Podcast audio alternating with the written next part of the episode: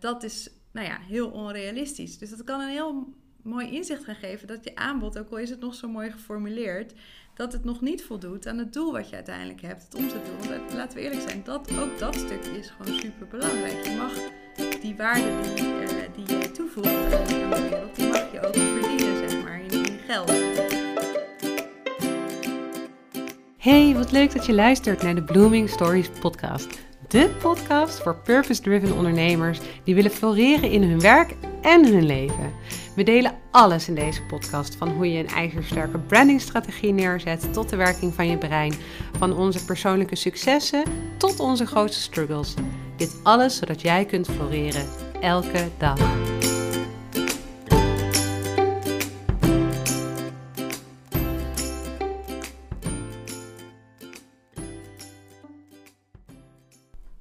Ben je zover? Ja hoor. Here we go. Um, welkom bij weer een aflevering van de Blooming Stories podcast. In deze aflevering staan we stil bij stap 6 van de Flamingo Way.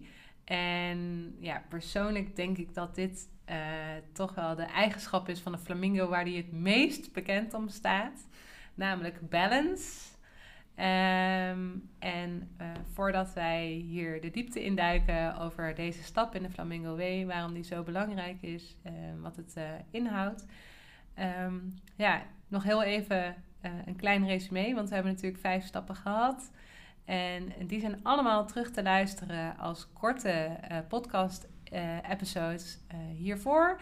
En we hebben ook een podcast-aflevering opgenomen waarin we de hele Flamingo Way toelichten. En um, nou ja, laten we niet langer uh, uh, erover doen, maar gewoon uh, van start gaan met stap 6, balance.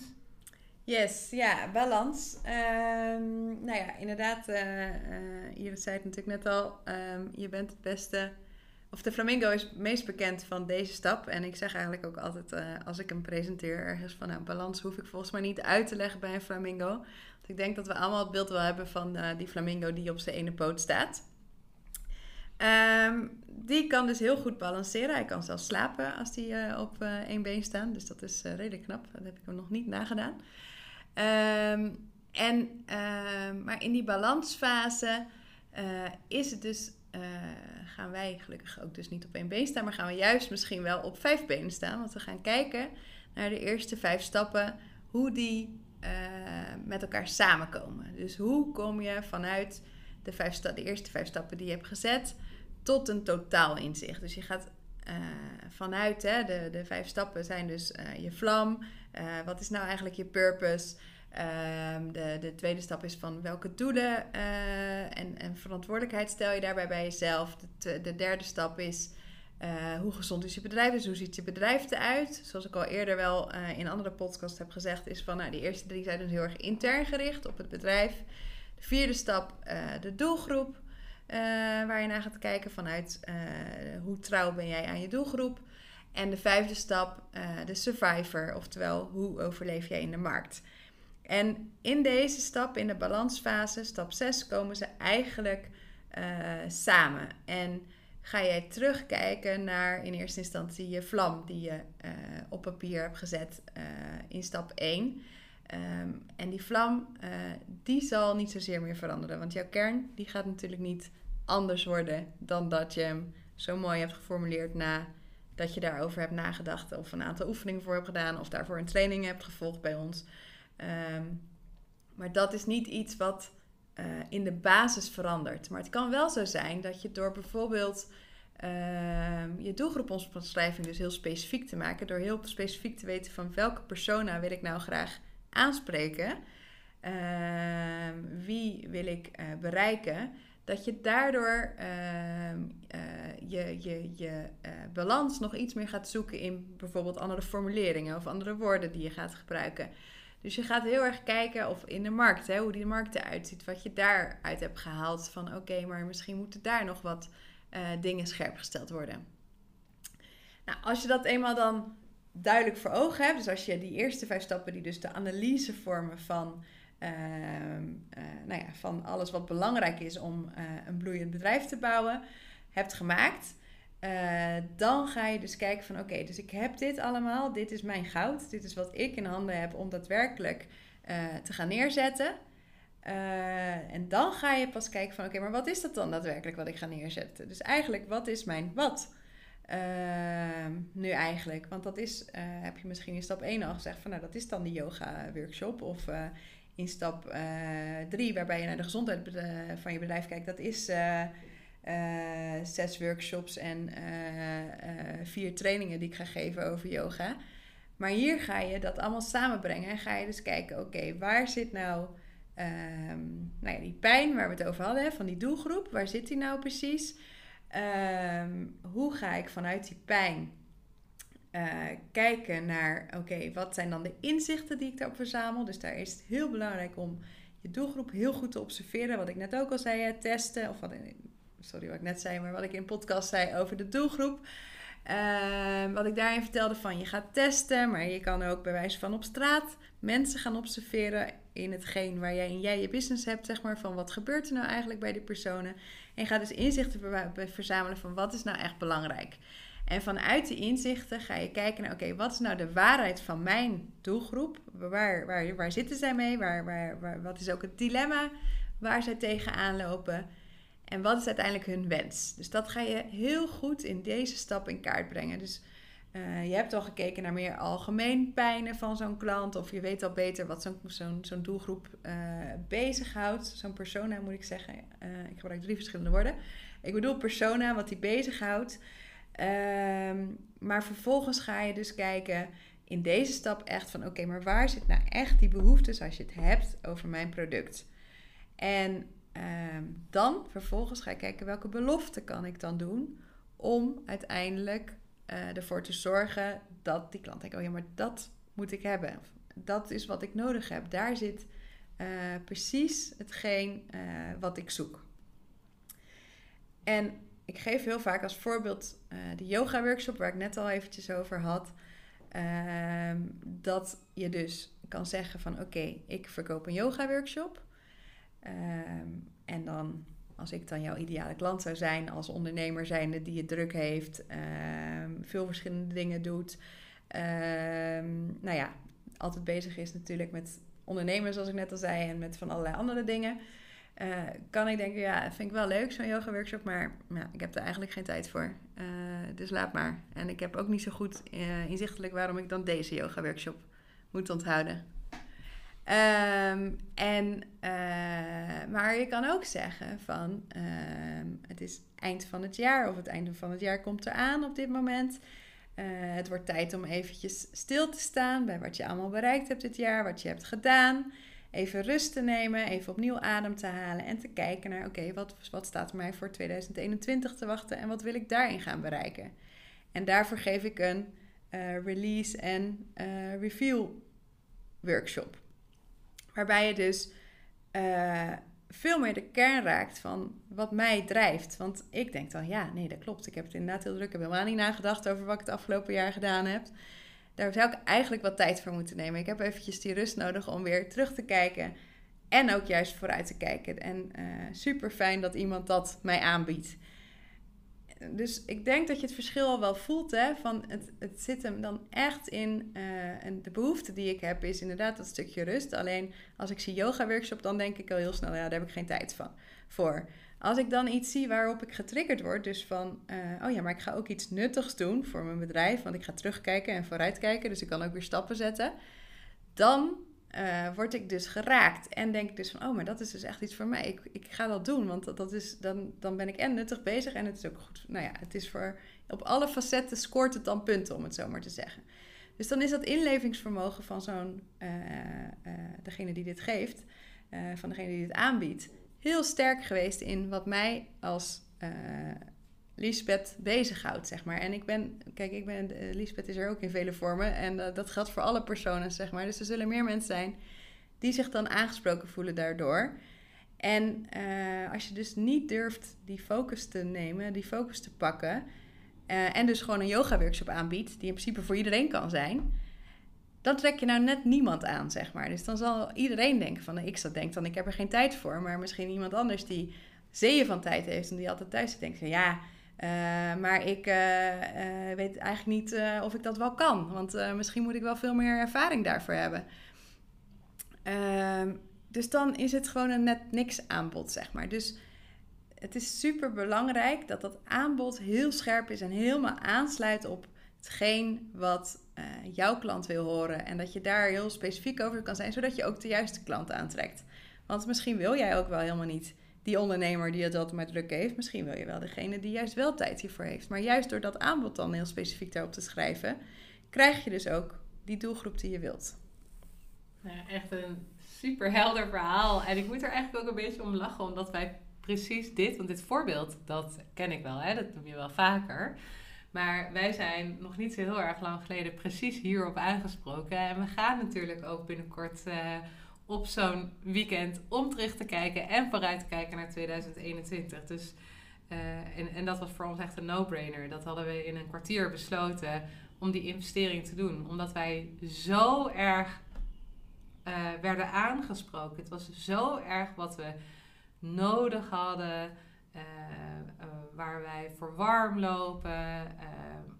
Wat, wat voor andere mensen we er hopen te treffen. Dus het is echt heel grappig dat dit voorbeeld, wat ik al vaker voorbij heb horen komen, dat dit nu echt een soort van 100% waarheid is gebleken. Ja, ja precies. Ja. ja, nee, en dat is dus heel grappig, want zelfs dus als je, en dat gaat voor, nu dit voorbeeld is, is inderdaad specifiek op dat uh, eigenlijk precies hetzelfde als het yoga workshop voorbeeld mhm. dat ik geef, maar ook een beetje in het terugkijken en vooruitblikken. Maar uh, ook al weet je nog zo goed hoe, uh, en dat geldt dan voor mij in ieder geval, hoe brandingstactieken werken, hoe verhalen werken, hoe je inspeelt op de klant het werkt altijd, want het werkt altijd ook bij mij. Als we het hebben op, uh, bij een commercial uh, op de radio over uh, slap haar, wat ik dus heb, en dat je volume krijgt en dan een specifieke boodschap waarom dat dan werkt zoals het werkt, dan denk ik, oh, dat moet ik hebben.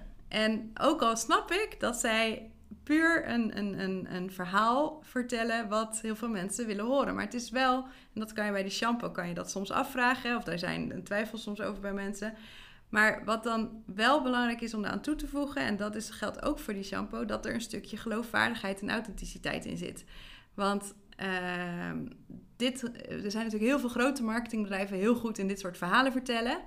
Waarbij het niet altijd uh, waarbij het doel eigenlijk is om te verkopen. Puur om te verkopen. Want dat is wat er uh, bij grote bedrijven nog steeds natuurlijk gebeurt. Het wordt wel, je ziet ook wel een ombuiging daarin. Hè. Er zijn steeds meer uh, purpose-driven ondernemingen, ook bij, bij de grote bedrijven.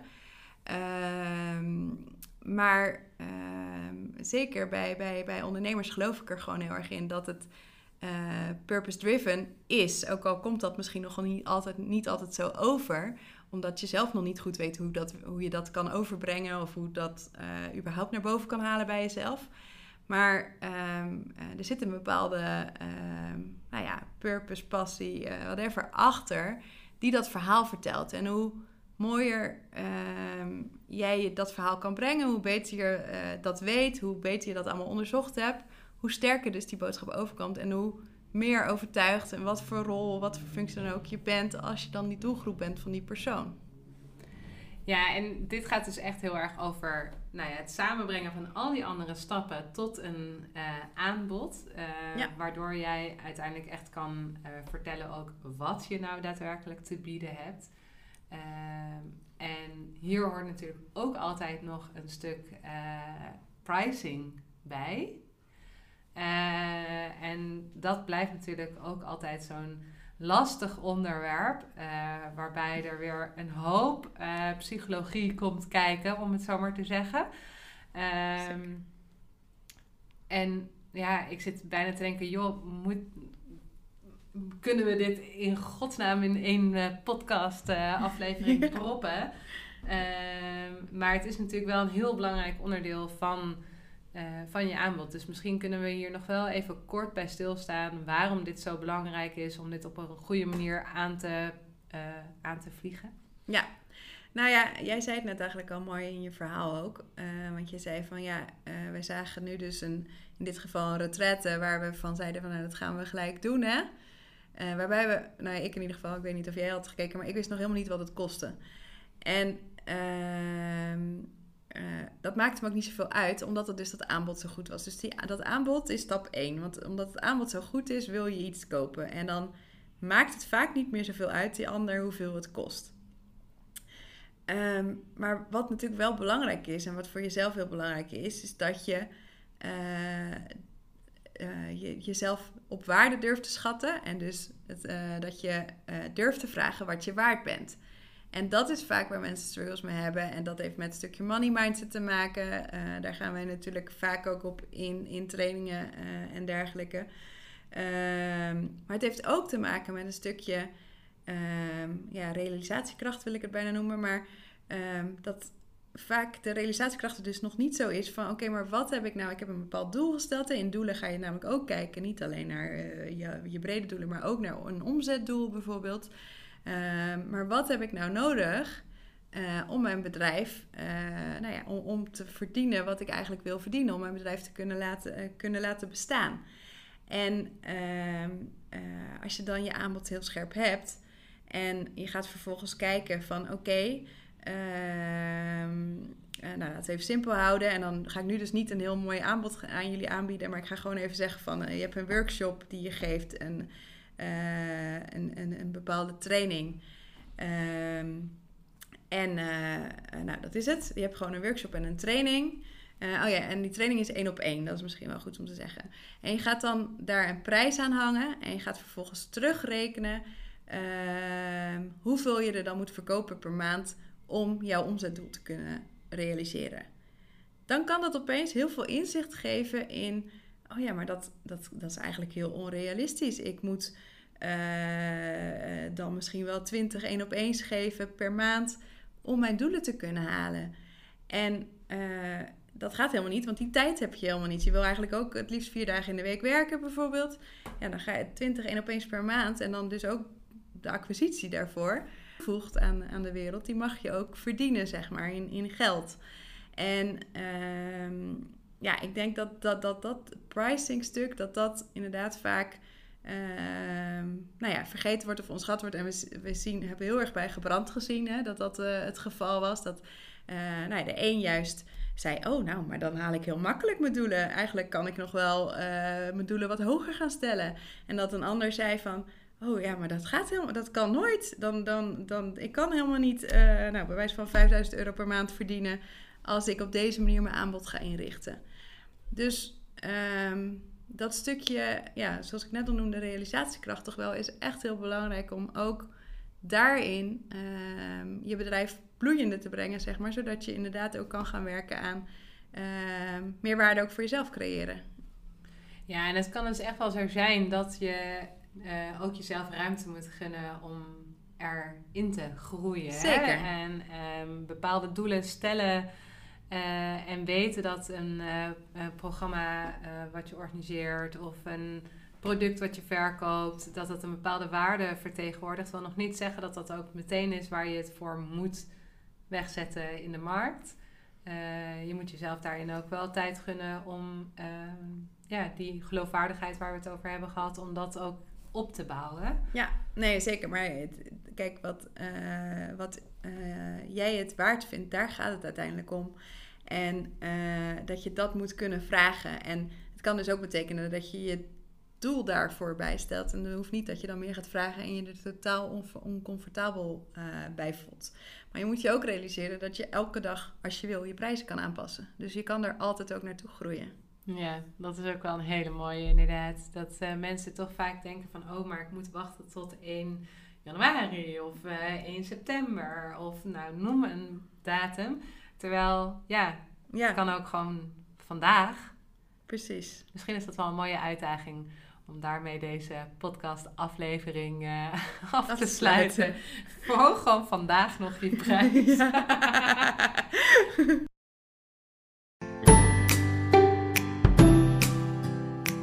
Dankjewel voor het luisteren naar onze podcast. We begrijpen dat het in deze tijd niet makkelijk kan zijn voor jou als ondernemer. Daarom is het juist zo belangrijk om jouw bedrijf goed onder de loep te nemen. We hebben nu, omdat wij het ook belangrijk vinden dat er zoveel mogelijk ondernemers floreren, ons programma online beschikbaar gemaakt voor slechts 99 euro. Hiermee ga je de 7 stappen van de Flamingo Way volledig doorlopen en zorg je ervoor dat jij gaat vliegen met jouw bedrijf volgens onze Flamingo Way. Kijk op bloomingstories.nl voor meer informatie.